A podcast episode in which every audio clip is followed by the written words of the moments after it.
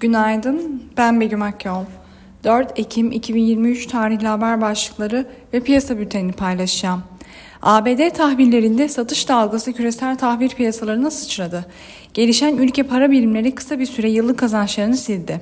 Hafize Gaye Erkan'ın açıkladığı verilere göre Türkiye Cumhuriyet Merkez Bankası'nın ilk 6 ayda yaptığı KKM ödemesi 2022'yi aştı.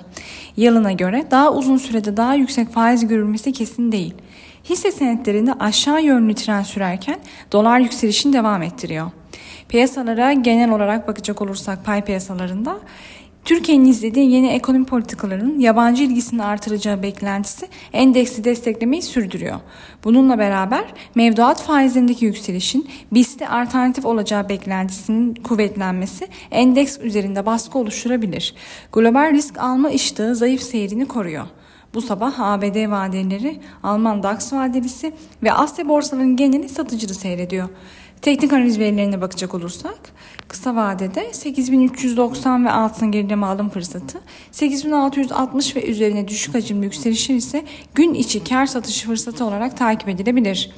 Viyop tarafında ise gün içi long pozisyonlar için 9075, short pozisyonlar için ise 9230 zarar kes seviyesi olarak izlenebilir. Borsa İstanbul'un ve Endes kontratının güne hafif pozitif eğilimle başlamasını bekliyoruz. Kazançlı günler dileriz.